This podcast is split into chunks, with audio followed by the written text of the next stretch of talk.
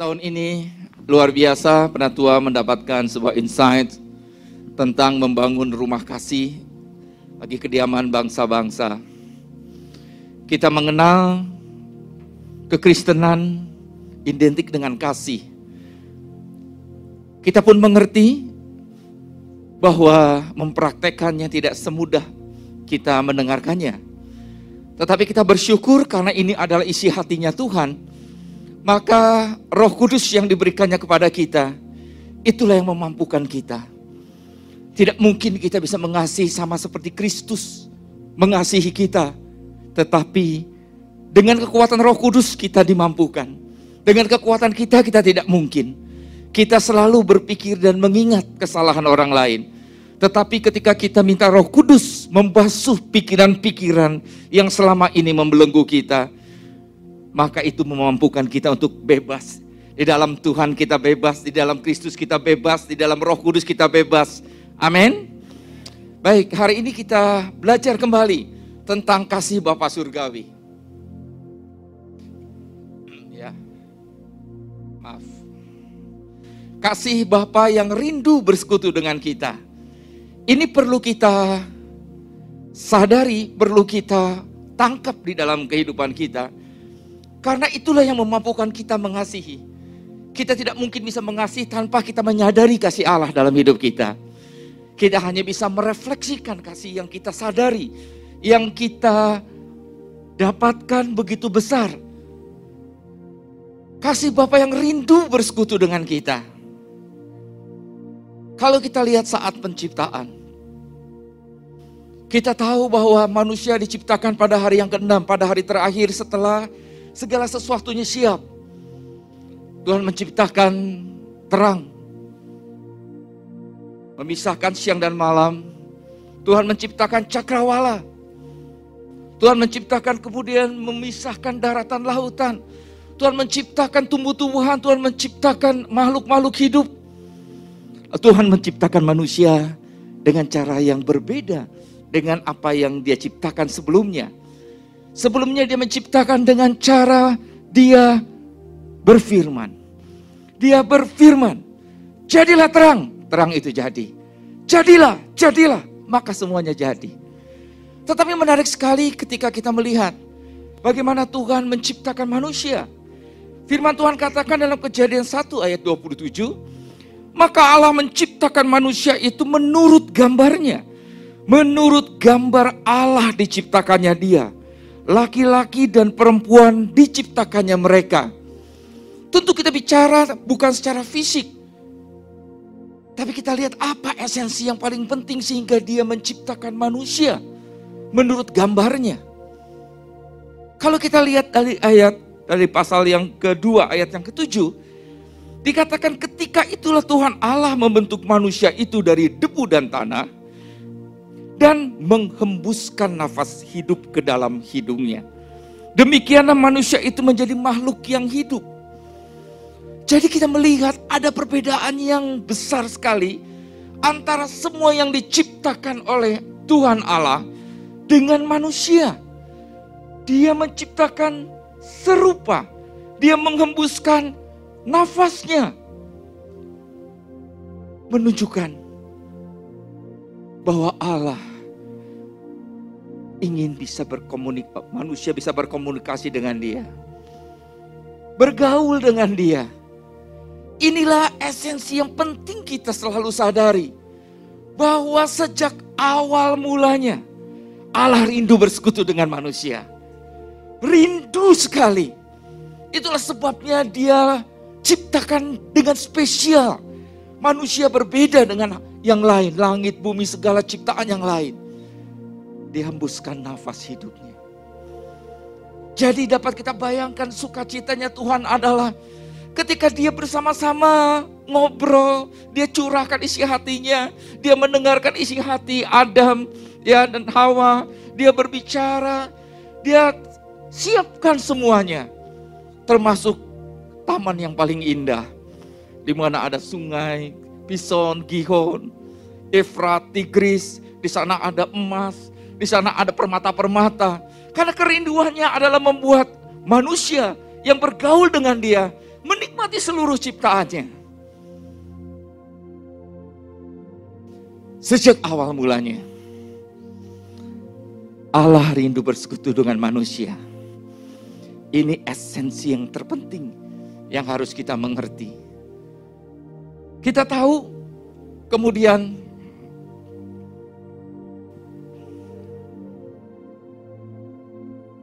Tuhan ingin manusia bersekutu dengan dia bukan karena terpaksa.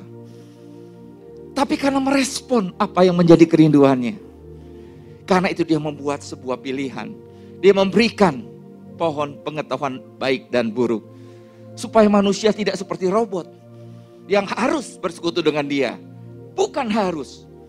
Tapi dia ingin itu merupakan respon dari kerinduannya. Kita tahu manusia memilih kemudian hal yang salah. Sehingga terpisahlah manusia dengan Tuhan karena dosa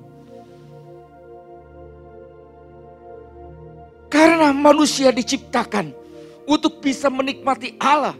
Dan itu adalah sukacita hakiki yang bisa dinikmati oleh manusia.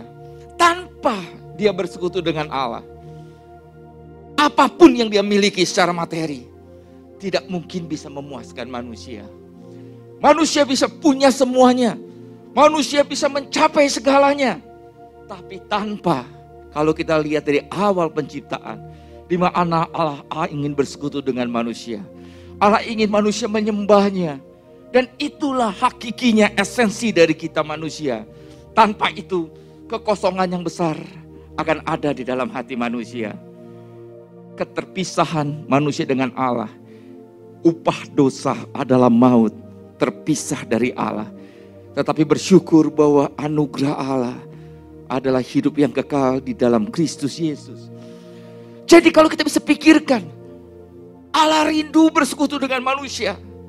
Lalu ada dosa yang tidak mungkin bisa bersatu dengan Allah yang memisahkan dia. Maka apa yang dilakukan oleh Tuhan Allah? Dia siap membayar harga yang termahal. Kenapa dia siap membayar harga yang termahal? Karena itu sangat penting baginya. Dan itu pun sangat penting bagi manusia yang diciptakannya. Dia merancangkan misi penyelamatan. Dan tidak mungkin tidak. Tidak ada satupun yang bisa menyelamatkan. Kecuali anaknya yang tunggal yang melakukannya. Karena begitu besar kasih Allah akan dunia ini. Sehingga ia telah mengaruniakan anaknya yang tunggal supaya setiap orang yang percaya kepadanya tidak binasa, melainkan beroleh hidup yang kekal. Supaya setiap orang yang percaya kepadanya terjadi pemulihan kembali hubungan. Ada jembatan yaitu tubuh Kristus yang tergantung di kayu salib. Karena itu merupakan kerinduan Allah sejak semula menikmati persekutuan dengan manusia. Dan sekarang setiap kita yang telah percaya kepada Yesus Kristus, engkau adalah imam. Engkau punya akses kepada Allah secara langsung melalui Yesus Kristus. Pertanyaannya sering kali, apakah kita merespon dengan benar kerinduan dengan Tuhan? Dia begitu rindu bersekutu dengan kita. Dia lakukan apa pun demi untuk mendapatkan kita. Dan setelah kita menerima Kristus, kalau engkau telah percaya kepada Kristus, engkau adalah anaknya. Sebuah hubungan yang tidak ada di mana-mana kecuali di dalam kekristenan. Dia adalah Bapa kita. Kita adalah anaknya. Wow. Ini bulan kedua kami sedang sangat bersuka cita dikaruniai cucu kedua. Kalau kalau yang mengikuti Insta istri saya mungkin setiap hari isinya gambar-gambar bayi gitu ya. Apa pun yang dia lakukan bayi itu bagi orang tuanya sesuatu yang sangat-sangat membesarkan hati walaupun menyebabkan kita harus begadang. Sembilan hari anak saya harus dirawat setelah melahirkan karena ada infeksi. Jadi saya dan istri merawat cucu selama sembilan hari itu. Diingatkan kembali masa-masa ketika anak-anak anak pertama ya. Diatur supaya dia kita bisa bergantian. Karena masih begadang-begadang. Apakah menjadi beban? Apa yang dilakukan oleh si bayi itu? Bayi itu belum bisa lakukan apa-apa kecuali oh, eng, eng, eng. Begitu ya. Maksudnya eng, eng, eng itu nen ya. Kita langsung tahu bahasanya. Dan suaranya langsung menggerakkan kita untuk melakukan yang terbaik bagi dia. Dalam sembilan hari saya pernah mengunjungi anak saya di rumah sakit. Saya bilang gimana nak? Dia tunjukkan. Waduh pak susah ini. Udah beberapa pindah ke sini infusnya, pindah ke sana infusnya sakit luar biasa. Sakitnya nak. Tapi ada lagi yang lebih sakit pak. Aku nggak bisa lihat jen-jen katanya gitu. Jadi bagi seorang ibu sesuatu yang sakit itu tidak ada apa-apanya. Dibandingkan bertemu dengan anaknya. Saya bisa merasakan sedikit perspektif dari kasih Bapak. Diingatkan kembali karena sekarang saya sebagai kakek ya. Tapi diingatkan kembali Itulah isi hati Tuhan bagi kita. Bahkan ketika kita nggak bisa apa-apa, kita rasanya menyusahkan dia bagi dia. Engkau adalah anakku. Teriakan kita tidak mungkin diabaikannya. Keluh kesah kita tidak mungkin diabaikannya. Tentu dia ingin kita bertumbuh. Dia ingin kita tidak selalu wah, begitu. Bertumbuh akhirnya menjadi putranya tetapi hatinya tetap. Ketika saya merenungkan kembali anak-anak kecil, itulah hati seorang ayah dan seorang ibu. Kita perjuangkan segala sesuatu. Ketika kita, saya mengalami kejadian yang luar biasa, menyesakkan hati yang dilakukan oleh anak-anak oleh anak saya. Tapi apa pun seburuk apa pun, saya katakan dia anak saya ada darah. Ada darah daging saya mengalir padanya. Apa pun yang dia lakukan, dia anak saya. Ada waktu-waktu kami menangis berdoa karena apa yang terjadi pada anak kami. Tetapi di hati ini dikatakan dia anak saya. Dia anak kami. Hari ini mari kita Buka hati kita, pikiran kita. Setiap kali Tuhan melihat saudara, setiap kali Tuhan melihat saudara, Dia selalu berkata, Engkau berharga di mataku, Engkau biji mataku, Engkau anakku yang kekasih umat tebusanku. Apa pun keberadaanmu hari ini, kasih itu tidak akan pernah berubah.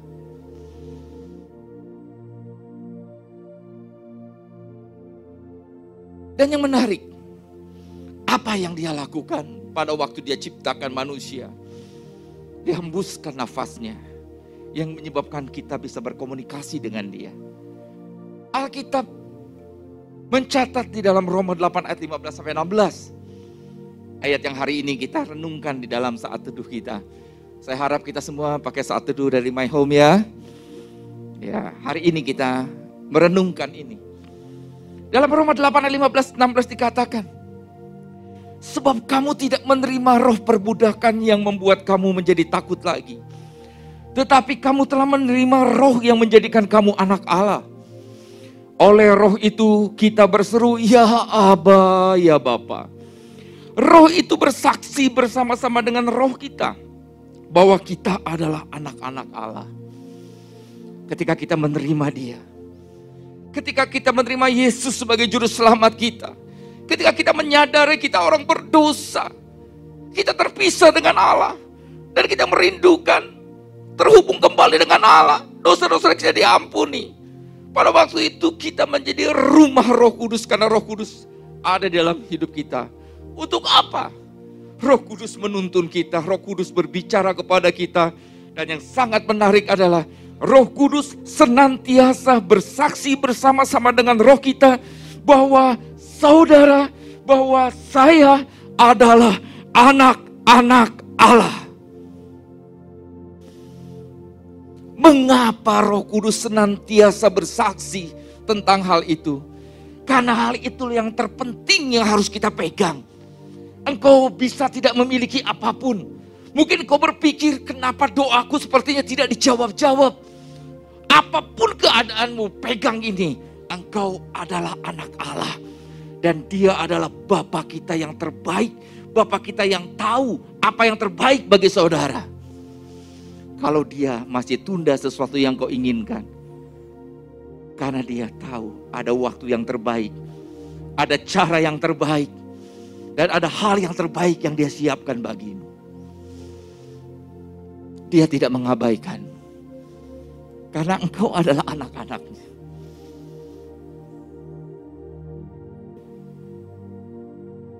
Sekali lagi, kerinduannya adalah bersekutu dengan anak-anaknya. Roh Kudus itulah yang membuat kita bisa berkomunikasi dengan Dia, bisa mengerti suaranya, bisa merindukan kehadiratnya. Roh Kuduslah yang mendorong kita, sama seperti di penciptaan pertama manusia. Tuhan menghembuskan nafas hidup kepada tanah itu sehingga jadi manusia. Itulah alat komunikasi kita, membuat kita sebagai Bapak, sebagai anak dan sebagai Bapak dan dia ingin bersekutu dengan kita. Karena itulah yang menjadi esensi, yaitu kita diciptakan menjadi penyembah dia, menikmati dia, bergaul dengan dia, menjadi mitranya di dunia ini. Yaitu sebagai saksi untuk menjangkau banyak orang lain yang sedang tidak tahu ke mana dan apa yang di dalam kehidupan mereka.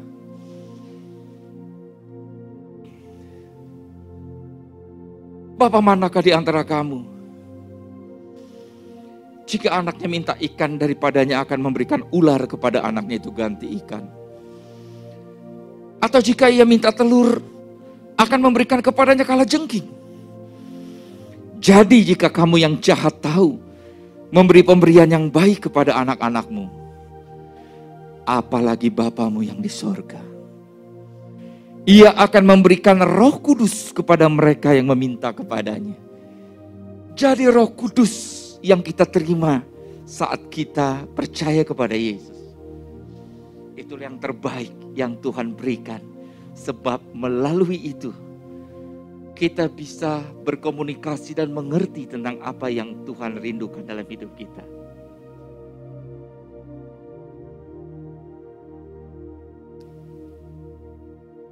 Apa yang saat ini engkau sedang alami? Rindukah engkau setiap hari bertemu dengan Tuhan sama seperti kerinduannya untuk mendekap kita? Atau itu menjadi satu cerita nostalgia bagi kita? Ya dulu, ya dulu, aku menikmatinya.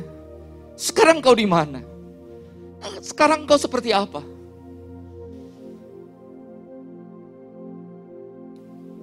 Apa yang menghalangi? Dalam kisah anak yang hilang minggu lalu, Penatua Timotius mengupasnya bagi kita. Saya melihat beberapa hal yang saya ingin ulas. Yang pertama adalah penghalang utama adalah pertama tidak menyadari. Yang kedua adalah tidak layak dalam tanda petik. Nanti kita lihat. Ketika si bungsu berada di rumah ayahnya. Mungkin kemudian teman-temannya datang dari tempat, dari kota, bercerita. Di kota ini ada itu, ada ini, ada apa. Lalu kemudian dia merasa kehidupannya kok gini-gini terus ya. Kenapa ya kok rasanya rutin? Dia merasa kehidupan di rumah ayahnya tuh kurang menarik setelah mendengar kisah-kisah dari teman-temannya yang ada di kota besar. Dia tidak menyadari apa yang tersedia, apa yang bapaknya siapkan bagi dia. Itulah yang menyebabkan dia kemudian minta bagiannya dan pergi. Yang menarik adalah sulung pun sama. Dia tetap di rumah ayahnya, tapi dia tidak menyadari haknya. Yang adalah semua milik Bapak itu adalah milik kita, milik kamu. Dia hanya mempunyai mental pekerja. Jadi yang satu tidak menyadari betapa indah keberadaan di rumah ayahnya dan betapa indah sosok ayahnya pergi keluar. Yang sulung tidak menyadari haknya, apa yang bisa dia nikmati. Karena dia juga tidak bergaul dengan baik dengan ayahnya. Dua-duanya tidak mengalami hal yang terbaik. Akarnya adalah kedua-duanya kurang mengenal Bapa. Saya tidak berani mengatakan tidak mengenal Bapa. Akarnya adalah tidak bergaul dengan Bapak. Sementara Bapak rindu sekali, rindu untuk bercerita. Tidak ada hal yang paling indah bagi kami sebagai orang tua. Yang paling indah tuh kalau mendengar anak-anak mau datang. Kalau anak-anak mau datang saya biasanya belum bisa tidur kalau belum sampai ke rumah. Udah sampai mana nak? Tolong Sherlock. Udah sampai mana? Itulah kerinduan Bapak bercerita.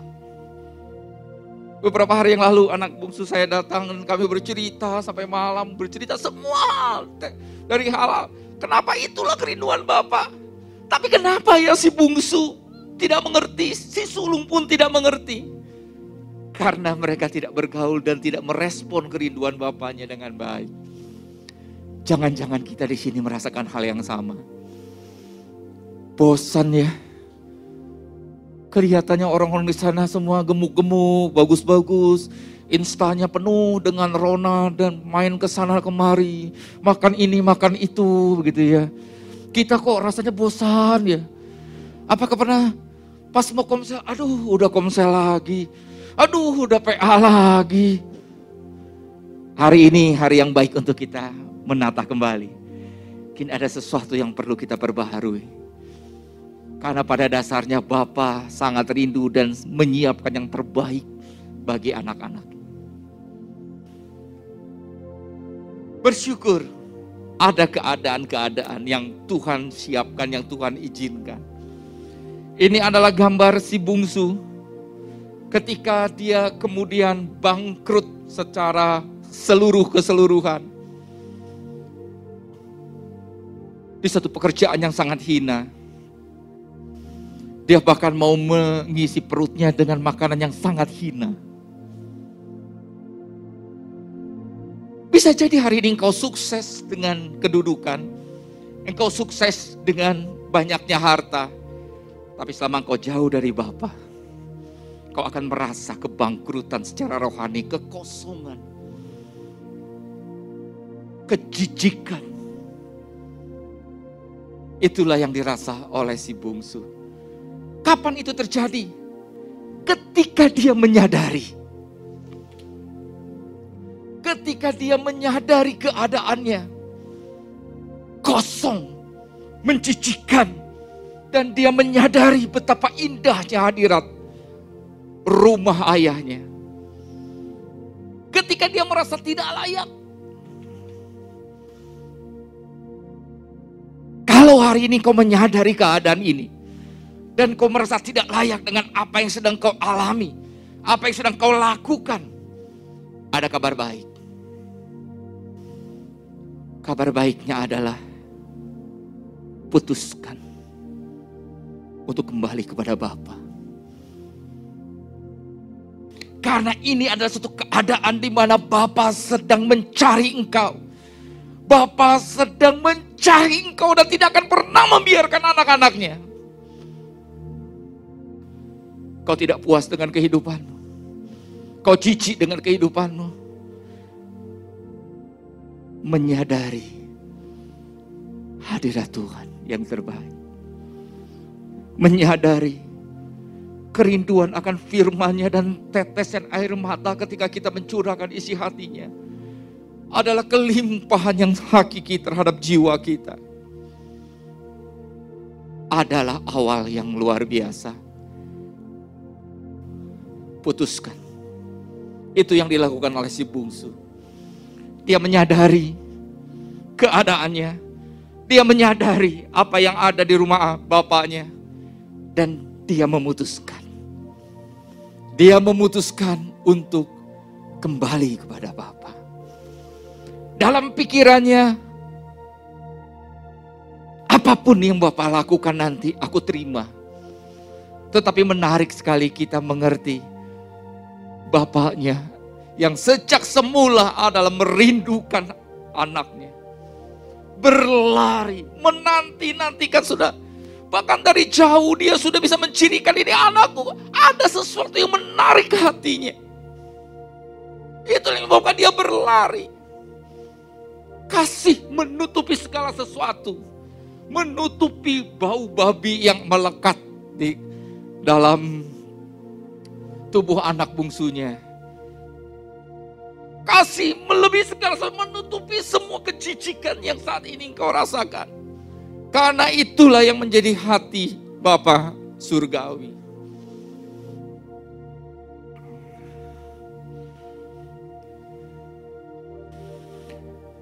Mazmur 51 ayat 17 mengatakan, Korban sembelihan kepada Allah ialah jiwa yang hancur. Hati yang patah dan remuk tidak akan kau pandang hina ya Allah. Saat engkau memutuskan kembali, dia tidak pernah menolak. Dia sedang merentangkan tangannya. Dan saat ini dia sedang berkata, kembalilah anakku. Datanglah tersungkur di hadapannya. Dan lihat kasih yang tetap itu akan dia limpahkan kepada. Mari responi kerinduan Bapak untuk bersekutu. Jangan biarkan penghalang-penghalang membuat kita menjauh dari Tuhan. Ada satu penghalang lagi. Tadi saya bilang penghalang itu ada kata tidak layak tidak menyadari dan tidak layak. Begitu juga dengan si sulung, dia tidak menyadari keadaannya. Tetapi juga dia punya pandangan soal tidak layak-layak menurut manusia. Ada mungkin yang lari dari Tuhan karena dia berpikir, pemimpinku itu tidak layak memimpin. Dia punya kelemahan A, B, C, D, E, F. Tidak layak dia itu berbicara. Tidak layak dia jadi jadi jadi pengerja. Tidak layak jadi diaken Pernyataan tidak layak ketika kita menunjuk orang lain. Seringkali membuat kita lari dan kecewa. Bukankah itu yang sering kali terjadi? Karena memang di dunia ini begitu aturannya, begitu hukumnya. Ketika si bungsu kembali ke rumah ayahnya, ayahnya memeluknya. Si sulung punya mentalitas seperti itu tidak layak tidak layak, tidak pantas mendapatkan apresiasi seperti itu. Tidak pantas dia dihormati karena dia sudah bikin malu keluarga. Itu adalah tata nilai manusia. Tapi hari ini ingatlah hubungan kita bicara tentang Bapa dan anak. Kalau Bapa yang di dunia tahu memberikan yang terbaik bagi anak-anak, apalagi Bapa di surga. Saya mengajak kita semua merespon kerinduan Bapa untuk bersekutu. Mari kita respon, kita dedikasikan waktu. Mungkin ada sekarang kita sudah mulai asal. Mari kita dedikasikan waktu. Ada waktu-waktu terindah kita bisa menyembah Tuhan, kita bisa memuji Tuhan. Mungkin ada waktu-waktu kita merasa kering, nggak bisa muji. Tetaplah memuji apa pun. Tetaplah datang kepada Bapak apa pun yang kita alami, apa pun yang kita rasakan. Ada saat-saat kita menangis melihat firman Tuhan. Ada saat-saat kita melihat firman Tuhan ini aku nggak ngerti. Ada begitu banyak di kepala kita. Tapi tetap dedikasikanlah waktu terbaik bagi Tuhan. Saya percaya saat-saat ketika kita bayi, kita minta hanya dengan oh, Tuhan langsung datang. Kita bertumbuh, Tuhan ingin kita mencari. Kita semakin bertumbuh, Tuhan ingin kita mengetuk.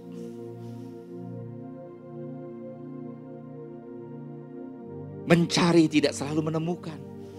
Perlu kita gali. Tapi tidak mungkin tidak. Kalau kita seperti pemazmur mengatakan, Aku seperti rusa yang haus akan engkau ya Tuhan. Jangan berdiam Tuhan. Singkapkan kepadaku ya Tuhan rahasiamu. Maka Tuhan akan berkata kepada kita semua. Dan apabila kamu berseru dan datang untuk berdoa kepadaku, maka aku akan mendengarkan kamu. Apabila kamu mencari aku, kamu akan menemukan aku. Apabila kamu menanyakan aku dengan segenap hati, dengar suaranya, cari, ketuk, gali. Curahkan isi hati kita kepadanya. Bahkan ketika kita sering kali merasa doa kita hanya sampai plafon. Curahkan isi hatinya. Jangan tergantung pada perasaan kita. Pakai iman kita. Bapakku di surga sedang menikmati doaku, sedang menikmati air mataku, sedang menikmati keluh kesahku, sedang menikmati apa pun yang aku curahkan kepadanya. Sembah dia, puji dia. Sekalipun hati kita nggak pengen. Ada masa-masa hati kita nggak pengen. Tapi lakukan seperti yang Daud lakukan. Dia ambil gambus, dia ambil kecapi. Dia bilang bangkit, bangunlah hai jiwaku. Bangun, saat-saat dia tidak mau dia tahu. Yang terpenting adalah dia bersekutu dengan Tuhan. Itulah sumber kekuatannya. Itulah sumber kebermaknaannya. Dia ambil gambus, dia ambil kecapi. Dia perintahkan jiwanya. Bangun jiwaku. Bangkit. Jangan lulus. Jangan tawar hati. Jangan kecut. Itulah yang menjadi kekuatan dari seorang Daud. Baik, itulah kerinduan Bapak kita di surga. Dia menanti-nantikan kita semua.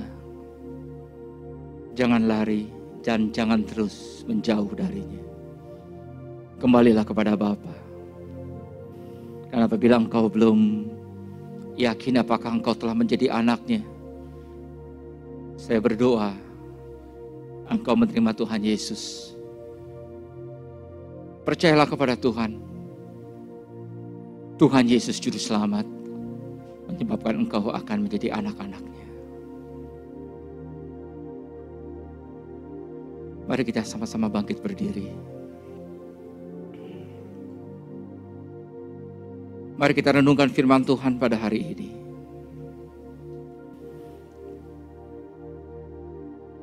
Bapak kita di surga menanti-nantikan Kalau engkau jauh darinya, mari kembali. Kalau engkau sedang ada di dalam seperti anak sulung, mari mulai menyadari dan datang untuk semakin intim dengan dia. Sehingga setiap hal baik yang Tuhan siapkan kepada kita, kita boleh menikmatinya. Tuhan terima kasih untuk apa yang sudah Engkau nyatakan kepada kami pada pagi hari ini. Sejak semula kerinduanmu adalah bersekutu dengan kami. Terima kasih untuk Yesus Kristus yang telah mati sebagai penebus segala dosa kami. Memperdamaikan kami dengan Bapa. Ampuni sering kali kami mengabaikan suaramu Tuhan. Ampuni sering kali kami tidak menyadari betapa berharganya kami di matamu. Seringkali kami kecewa saat permintaan kami tidak dipenuhi. Seringkali kami kecewa saat kami melihat orang-orang yang menurut kami tidak layak. Tapi mereka mendapat berkat Tuhan bahkan memimpi. Tapi hari ini kami mau kembali kepadamu dan belajar tentang kasih Engkau Tuhan. Kami mau belajar mengampuni apa pun alasannya. Kami mau belajar untuk datang kepadamu apa pun keadaannya. Terima kasih. Kami belajar tentang kasih ilahi. Kasih yang tak bersyarat. Kasih yang tetap tidak pernah berkurang. nilai, dan kualitasnya. Terima kasih Roh Kudus, Engkau yang terus membawa kami semakin menyadari, semakin mengenal Bapa kami. Di dalam nama Tuhan Yesus Kristus kami berdoa. Amin. Puji Tuhan.